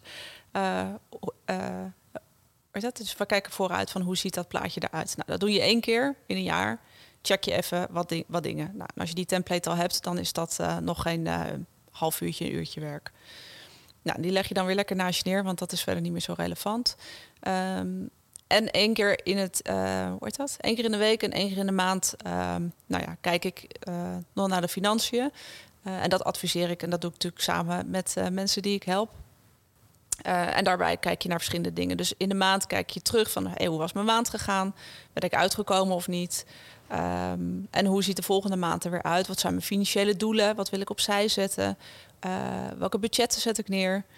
Want elke maand, we denken altijd dat het allemaal een soort van hetzelfde is. Maar elke maand ziet het toch net even weer anders uit. heb, ik, heb je verjaardagen? Of nou, december is altijd zo'n leuke maand. Hè? In januari is iedereen een soort van depressed om, omdat er zoveel geld doorheen is gegaan. Maar dat kan je ook gewoon plannen. Dus het, is een stuk plannen en um, nou ja, dat, dat strak zetten en dan gaan monitoren. Dus dan lekker gaan uitgeven, zeg ik altijd. En dan in de week kijken. En, dan, daar is dan zo'n app bijvoorbeeld voor, hè, waar we het, uh, of handig voor, waar we het over hadden. Om eens te kijken van, hé, hey, waar, hoe zit ik nou? Zit ik nou een beetje op koers of ben ik nou echt totaal uit de bocht geschoten? Dus op zich, die app is handig voor uh, de dagelijkse en wekelijkse ja, korte checks, om maar zo te zeggen. Ja, en echt in combinatie uh, met gedrag. Dat is ook wel belangrijk. Word wat bewuster van je uitgaven en je gedrag vooral. Ja. Overzicht is essentieel. Ja. Want uh, zonder dat je weet wat je doet en waar je het aan uitgeeft, nee, ja, dan dus, kom je ook niet. Nee, precies. Nee, je moet weten waar je staat. En uh, wat, wat is dat toch met financiële vrijheid wat mensen nastreven, zeg maar? Waarbij het misschien vroeger heel gebruikelijk was dat iemand zichzelf helemaal uh, opwerkte gewoon en ja, uh, niet te veel moet willen. Gewoon hard werken tot je erbij neervalt. En nu is echt een, ja, weet je, een best wel grote verandering vindt er plaats. Want volgens mij begint het op de middelbare school al dat ja, gewoon jongeren zeggen van ja, uh, weet je wel, je kan ook geld verdienen met uh, 10 uur per week werken. Waar, waarom zou je in godsnaam 40 uur per week? En dat is misschien voor veel kinderen en jongeren, volwassenen echt wel mogelijk. Ja. Maar wat, ja, wat is daar voor verandering aan het plaatsvinden? Of waarom is dat voor mensen zo belangrijk om ja, financiële vrijheid te creëren? Uh, nou, sowieso, financiële vrijheid is, um, heeft eigenlijk verschillende manieren hoe je het kan uitleggen. Want wanneer ben je financieel vrij? Ik vind het zelf ook best wel een moeilijke vraag om antwoord op te geven. Is niet echt één antwoord mogelijk. Het is meer iets wat je voor jezelf moet bepalen. Nou ja, weet je, want waar de, de een, wat de een uh, financieel vrij, vrij vindt, vindt de ander niet. Hè? Dus je kan zeggen, hè, in mijn situatie, van nou weet je, zij is wel financieel vrij, maar dat ben ik niet, want ik moet ook gewoon, uh, uh, ik moet gewoon nog werken. Of wij moeten gewoon nog werken voor ons, hè, om alles gewoon te kunnen betalen. En dat geeft ook niet. Um, maar financieel vrij kan dus ook echt in een gradatie zijn. Dat je zegt, ik hoef echt niet meer. Dat zijn die fire, dat heb je denk ik misschien ook wel ergens gelezen, fire bewegingen. En dat zie je met name ook wel bij, bij jongeren ook wel ontstaan. dus dat is dat je uh, vroegtijdig met pensioen kan gaan. Oftewel, ja, ja, je kan vroeg, hè, op je dertigste kan je stoppen met werken. Nou, heerlijk. Ik heb het helaas niet gehad. nee, nee, het lijkt me helemaal niet heerlijk. Maar, uh, maar dat is een keuze. Uh, maar dat, ja, en hoe ziet dat er dan uit? Want je kan wel zeggen, hey, ik, stop, uh, ik stop eerder met werken. Maar wat is dan met, met, wat voor levensstandaard of welk bedrag heb je dan gewerkt? Of uh, heb, je, uh, heb je dat uitgerekend waarin je dan financieel vrij bent? Dus daar liggen natuurlijk ook nog wel gradaties. Het is een enorm ruim begrip waarbij je voor jezelf eigenlijk een beetje moet bepalen van oké, ja, wat, wat strevend is denk ik sowieso het belangrijkste. Dat je op jezelf focust en ja, wat jouw echte geluk is. Want ik denk dat dat erachter moet zitten. Ja, je hebt eigenlijk dus ja, nee, dat is het, dat is het ook zeker. Van wat, wat, wat, uh, weet je wel, wat past bij mij en waar voel ik me fijn bij. Uh, dus als je kijkt naar financieel vrij, je hebt verschillende stapjes, uh, wat, ik, wat ik zei. Dus je begint eigenlijk met, zo, zo worden we geboren, dan zijn we financieel afhankelijk van onze ouders. je hebt ook heel veel mensen die nog steeds financieel afhankelijk zijn van ofwel een partner. als je niet werkt en afhankelijk bent van de partner. Uh, of je bent afhankelijk van uh, een uitkeringsbijstand. Uh, of dan ben je eigenlijk niet, nou niet eigenlijk, dan ben je ook, on, of, ben je ook afhankelijk van. Hè? Dus je bent gewoon zelf niet in staat om nou ja, je eigen uitgaven te kunnen bekostigen, zeg maar. En dan heb je verschillende stapjes in financiële stabiliteit, stabiele financiële zekerheid. dat je dus ook een stukje buffer hebt. Hè? Dus op het, ge het ge gebied waar we het net over hadden, van stel je voor dit en dit en dit gebeurt. Is trouwens ook dat is even een andere vraag. Die krijg ik heel vaak. Hoeveel buffer moet ik dan hebben? Dus even tussen Ja, nee, maar dat is ook wel misschien onderdeel van de financiële vrijheid. Dus dat is een, dat is een stap inderdaad in, de, in, die, uh, in dat trappetje, zeg maar. Dus uh, dat heeft volgens mij met financiële zekerheid te maken. Dat je zegt, nou, ik heb een buffer van drie tot zes maanden. En drie tot zes maanden betekent dat je drie tot zes maanden zonder, even zonder salaris zou kunnen doorkabbelen, zeg maar. maar dan ben je nog niet financieel vrij. Dus dat is fijn om te hebben, maar dat, nou, dan heb je zeg maar dat FU money waar ik het over had. Dus dat je echt voor een langere periode kan zeggen, nou de groeten, ik ga even wat anders doen. Um, en dan heb je eigenlijk de allergrootste stap die je dan kan maken. En dat gebeurt heel vaak in die FIRE-bewegingen ook niet met, uh, met alleen maar uh, vanuit inkomen door te werken, maar ook vanuit pas, een stuk passief inkomen. Hè, vanuit uh, geld dat, dat belegd is of in vastgoed geïnvesteerd is. Waardoor je elke maand eigenlijk gewoon een stukje inkomsten genereert zonder dat je daarvoor hoeft te werken. En dat is vaak het begrip dat mensen gebruiken als financieel vrij of financieel onafhankelijk. En daar stel ik altijd een beetje de kritische vraag van... oké, maar hoe, hoe leef je dan? Hè? Um, zit je er lekker bij? Of, ja. of heb je een levensstandaard dat je echt zeg maar op een houtje zit te bijten? Um, nou ja, en dan heb je volgens mij, ik, ik weet even niet hoe die laatste heet... maar dan heb je eigenlijk gewoon echt de levensstandaard zoals je het nou ja, heel, gewoon heel lekker hebt, waar je niet hoeft te werken. En nou, dat is in mijn ogen financieel onafhankelijk. Dat je ja, echt, dat is de, de laatste stap helemaal. Ja. Uh, ja, ja. Ik zet hem hoog in. Ja, nou goed, kijk, ik denk zo dat het voor iedereen uh, verschillend is. En um, ik denk dat het heel belangrijk is dat mensen ook kiezen voor geluk en niet voor geld. Ja. En dat geld een middel is om gelukkig te worden, niet andersom. Ja. Dat als je geld hebt, dan dat maakt je, weet je, als je heel rijk bent, dat maakt je niet automatisch gelukkig. En wat ik wel veel ben tegengekomen bij succesvolle mensen die bij mij trainen of die ik in mijn leven ben tegengekomen, ze toch wel vaak zeggen van ik heb me echt gefocust op wat ik leuk vind. Ja. En op gelukkig zijn. En daar uiteindelijk is, doordat ze ergens natuurlijk wel succesvol in zijn, uh, maar dat, het is meer een soort van gevolg van dan dat het, dat het iets is wat je zo kan. Ja, weet je, dat, dat je de oneindige zoektocht naar rijk worden om gelukkig te worden, dat, is een, ja, dat, dat stopt nooit. Nee, ik geloof dus, ik deel helemaal jouw visie. Uh, ik geloof altijd, op het moment dat je iets doet waar je heel blij van wordt, waar je gelukkig van wordt, en uh, als je daar beter in wordt, elke, elke dag weer een beetje beter in wordt, dat het geld dan vanzelf naar je toe komt. Daar geloof ik, dat klinkt dan misschien makkelijk, maar daar geloof ik zelf wel heel erg in. Uh, en in die zin, geld maakt niet geluk. Ik zeg altijd, geld, geld maakt niet gelukkiger. Hè? Dus, nee. of maar het is wel heel fijn om te hebben. Ja, iedereen valt er altijd over. Hè? Over van nou ja, geld maakt gelukkig. Ja, wie zegt het ook? Ik, ja, ik heb ook wel vaak mensen die het geld hebben, die zeggen nooit van geld maakt niet gelukkig. Nee. Maar het is, het is wel, ja, weet je, het is in dat opzicht is het echt wel een fijn iets. Weet je, als je alternatieve zorg hebt dat niet vergoed wordt. Of je huisdier is ziek en ja, ja. Je, je wilt dan die, ja, die kosten gewoon kunnen maken, lijkt me. En ik ehm. zie ook de andere kant van de medaille. Als je geen geld hebt of geld zorgen, maakt dat echt ongelukkig. Dus ik durf wel hardop te zeggen dat geld eh, zeker een bijdrage geeft aan geluk, maar niet zozeer de cijfertjes of echt daadwerkelijk uh, de, de, munten in, je hand. Dat maakt het eigenlijk niet gelukkig. Wat gelukkig maakt is, wat kan ik ermee doen? Welke mooie dingen kan ik allemaal doen? En dat hoeft niet altijd uh, in mooie spullen te zitten. Dat, dat kan in heel veel dingen zitten. Ehm, maar ik denk als je aan iedereen zou vragen, joh, als je nu uh, 2 miljoen zou krijgen, ja, wat zou je daarvan doen? Ja, dan komen de mooiste dromen naar boven. Dat is ook wel een vraag die je vaak stelt. Hè? Jij, jij laat het naar voren komen.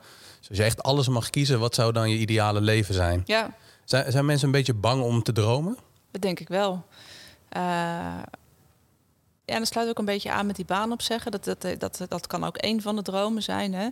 Uh, en waarom? Omdat we um, op het moment dat je uh, niet droomt, ja, dan zeg ik altijd, als je niet, als je niet weet waar je naartoe gaat, dan ga je het sowieso, dan arriveer je daar nooit. Hè. Dus ik stimuleer altijd om, om, om te dromen. Um, maar ik zie, ja, ik zie dat wel, ik zie dat wel veel dat, dat mensen dat lastig vinden om groot te durven dromen. En waarom? Om bang te zijn om het niet te halen. Bang om te falen. Dat is misschien nog wel belangrijker dan geld en geluk. Is, is ja, gewoon iets niet doen en niet weten of je dat uiteindelijk had gekund. Ja, ja, je volledige potentie gewoon niet eens ontdekken of, of daarbij in de buurt komen. Ja, dus dat is ja, bloedzonde. Wat als het niet had gelukt? Want dat heb jij misschien ook wel daarover nagedacht. Dus toen jouw man voor het eerst, of tenminste toen hij de eerste was die zijn baan uh, opzegde, wat, um, wat als het niet lukt? En, en ik denk dat die gedachten hebben, dat is prima.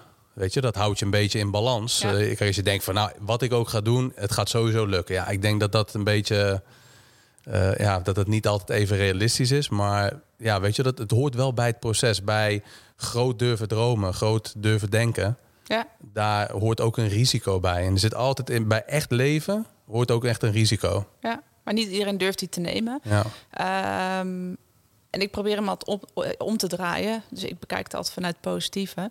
Um, en zo help ik mijn klanten eigenlijk ook. Toevallig had ik vanochtend nog precies deze, vraag, deze vraag gesteld uh, aan, tijdens een coaching. Wat als het wel lukt?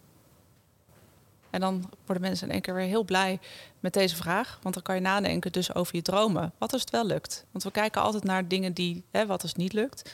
Dus wat als het wel lukt en wat, wat, wat zie je dan voor je? Nou ja, dat, dat is ook het stuk motivatie om uiteindelijk in beweging te komen. Neem niet weg dat ik, ik ben ook heel realistisch. Dus op het moment dat je, uh, dat je risico's te groot zijn, ja, dan moet je het vooral niet doen. Uh, dus ik, ik, hè, op het moment dat ik um, hè, waar we het net over hadden, toen wij zelf dus die beslissing hebben genomen. Wat is het worst case scenario wat we ons kunnen voorstellen? Hè, als het dus inderdaad niet lukt. Dus op zich is het goed wel om dat uh, even in je achterhoofd te hebben. Ja. Dus die vraag aan jezelf te stellen van oké, okay, als dit nu niet een succes wordt, of tot, uh, wat gebeurt er dan? Nou, wat zijn de consequenties? En wil ik die consequenties aanvaarden? Wil ik dat accepteren?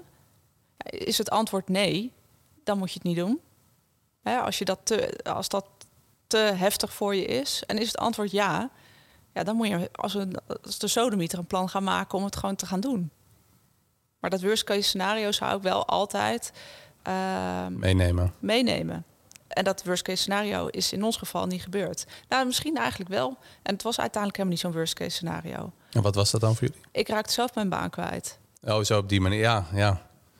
Dus ehm, Maar toen, toen ja, dus dat, dat viel dan uiteindelijk dan nog wel mee. Want daar waren jullie bang voor. Dat is dan eigenlijk ook nog gebeurd. Maar door, ja, door gewoon te doen.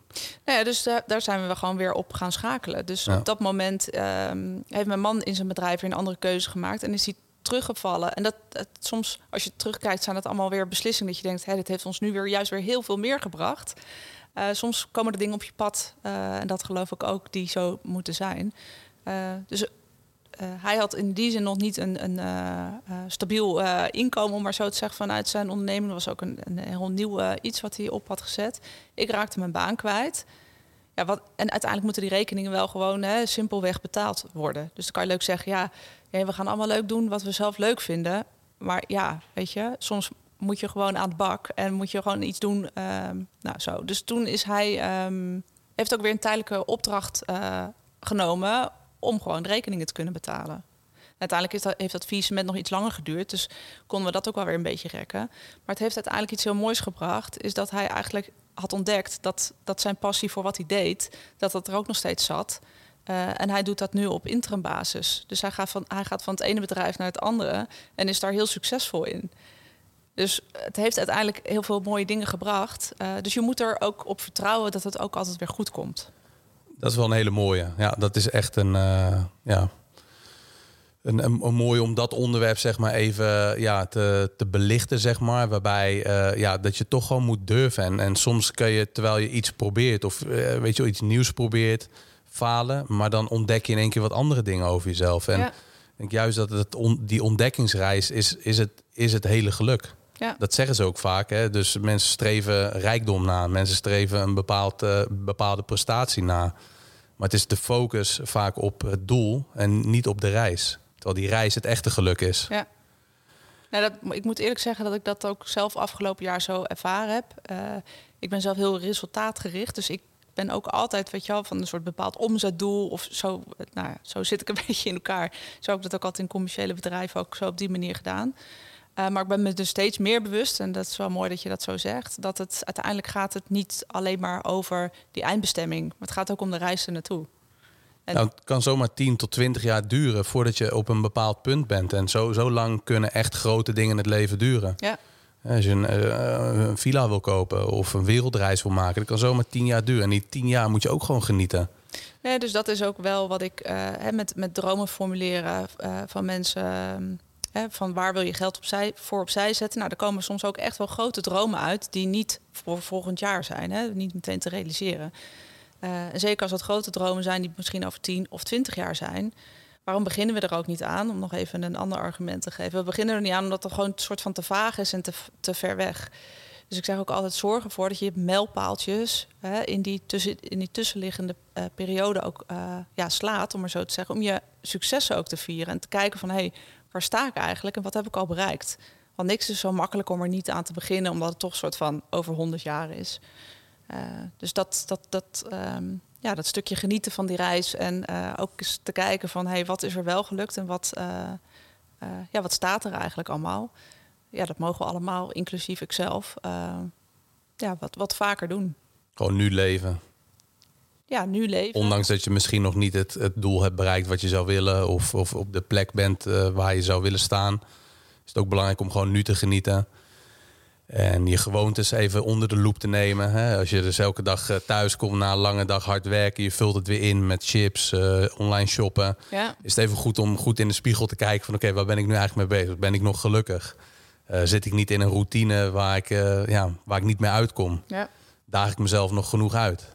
Ja, we weten het allemaal wel, maar het is heel lastig om die spiegel zelf voor te houden. Maar wel heel belangrijk. ja. Ja, nou ja. Ehm, even kijken, want wat ik nog wel een hele belangrijk vind. eh, hè, eh, rijk, arm of veel verdienen, weinig verdienen. Dat maakt in, in deze podcast denk ik weinig uit. Omdat je veel tips geeft die voor iedereen van toepassing kunnen zijn. Zeker. In ieder geval voor 40% van, van de Nederlanders als we het zo bekijken. En misschien nog wel meer. ja. Ehm, stel je voor, iemand belt jou op. ehm, zit echt in de problemen. Heeft eh, een aantal schulden openstaan. verdient niet genoeg, schulden worden erger. Uh, what's next? Wat zou je dan eigenlijk in een soort van noodplan met deze persoon bespreken? Wat zijn dan dingen die je dan echt acuut moet gaan doen om, om daar in ieder geval nu actie op te kunnen ondernemen? Ehm, maar het zijn eigenlijk twee dingen. Om geld, om geld over te houden, kan je twee knoppen draaien. Je inkomsten vergroten en je uitgaven verkleinen. Nou, dit klinkt ook als een open deur, maar en, en inkomsten, om daar maar mee te, mee te beginnen, inkomsten vergroten kan op, ja, op, op heel veel verschillende manieren. Er is misschien niet altijd ruimte voor.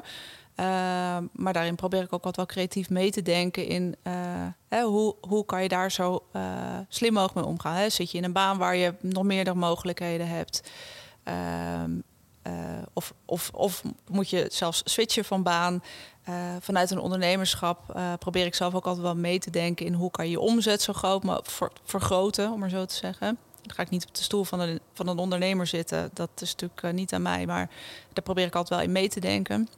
Dus hoe kan je die inkomsten zo groot mogelijk maken?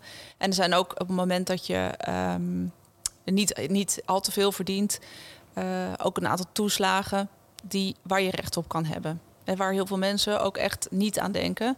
Uh, omdat ze nou ja, of het gewoon niet weten. Of um, hè, dus uh, kindertoeslag, of, uh, of kindertoeslag voor opvang, zorgtoeslag, huurtoeslag. Zo zijn er verschillende dingen die mogelijk zijn op het moment dat er, nou, wat ik zei, niet al te veel binnenkomt of dat je niet al te veel vermogen hebt.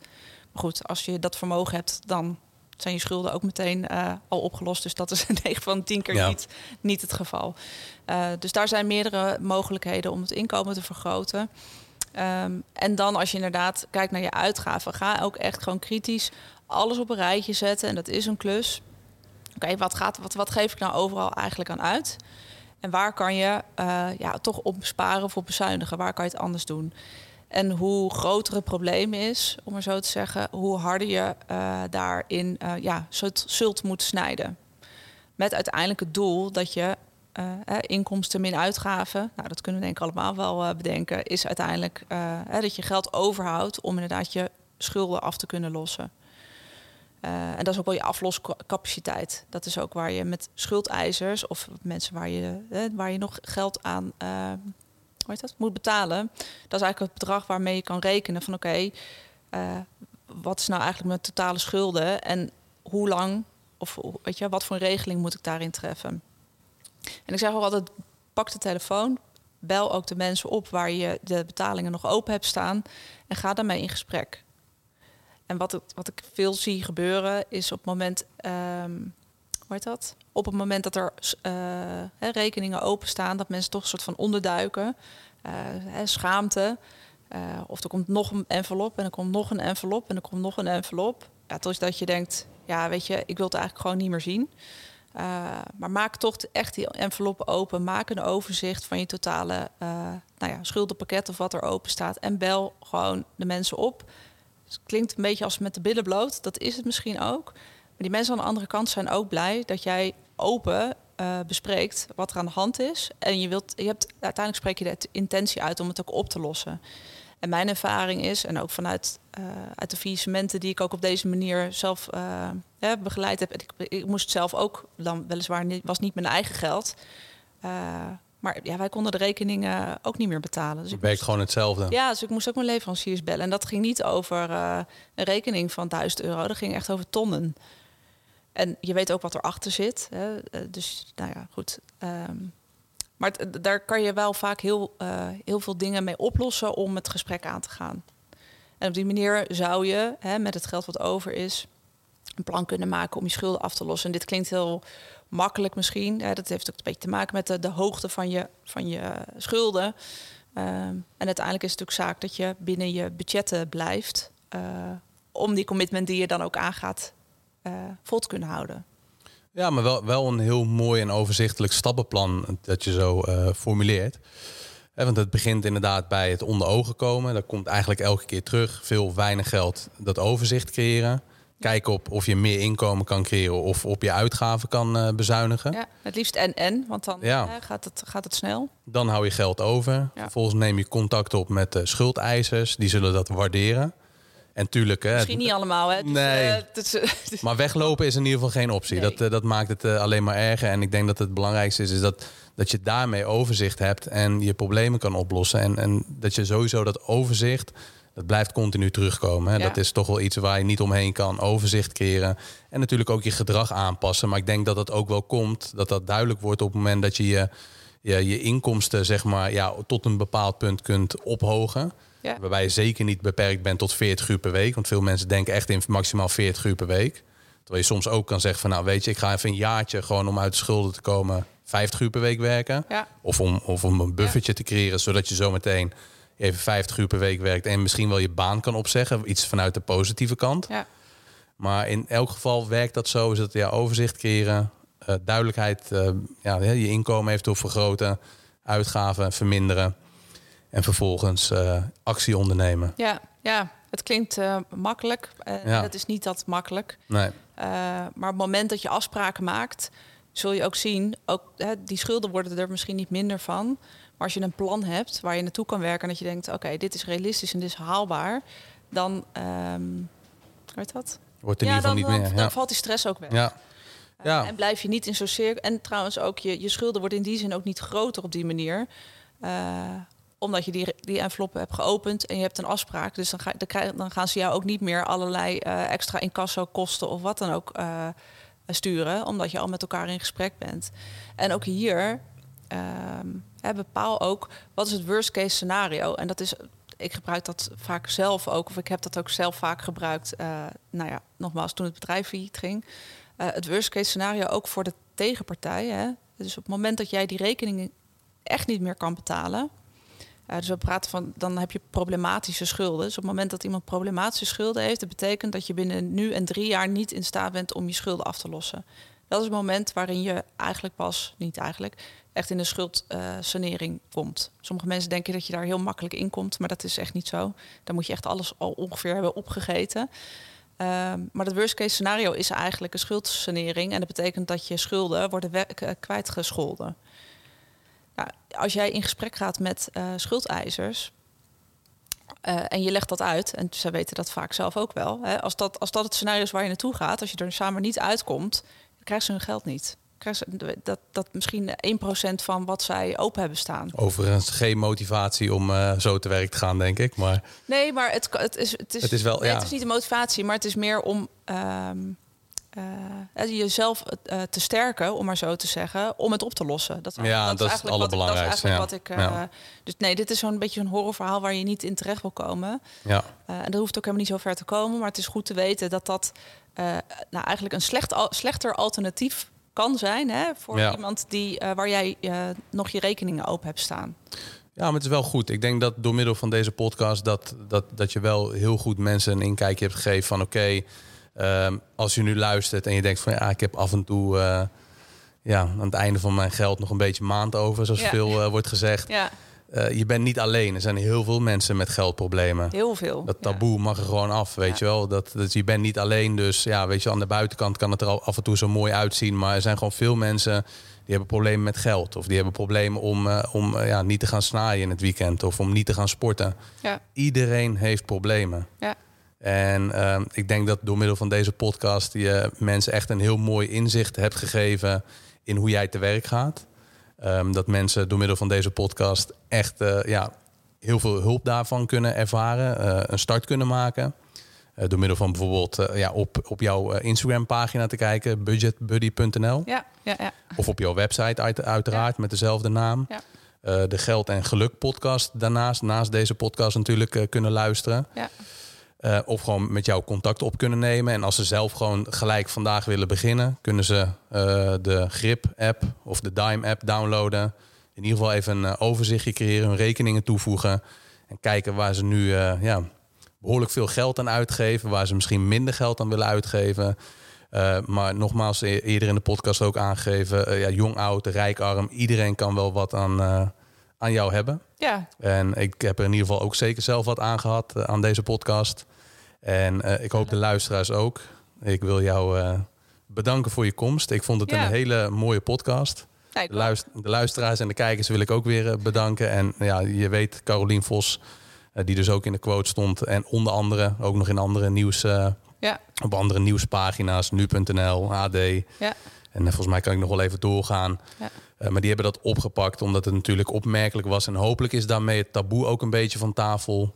En kunnen we over problemen gaan praten, wat, wat mij betreft niet, uh, ja, dat kan niet uh, vaak genoeg gebeuren. Problemen op tafel gooien, zodat we het leven voor elkaar allemaal een beetje makkelijker kunnen maken.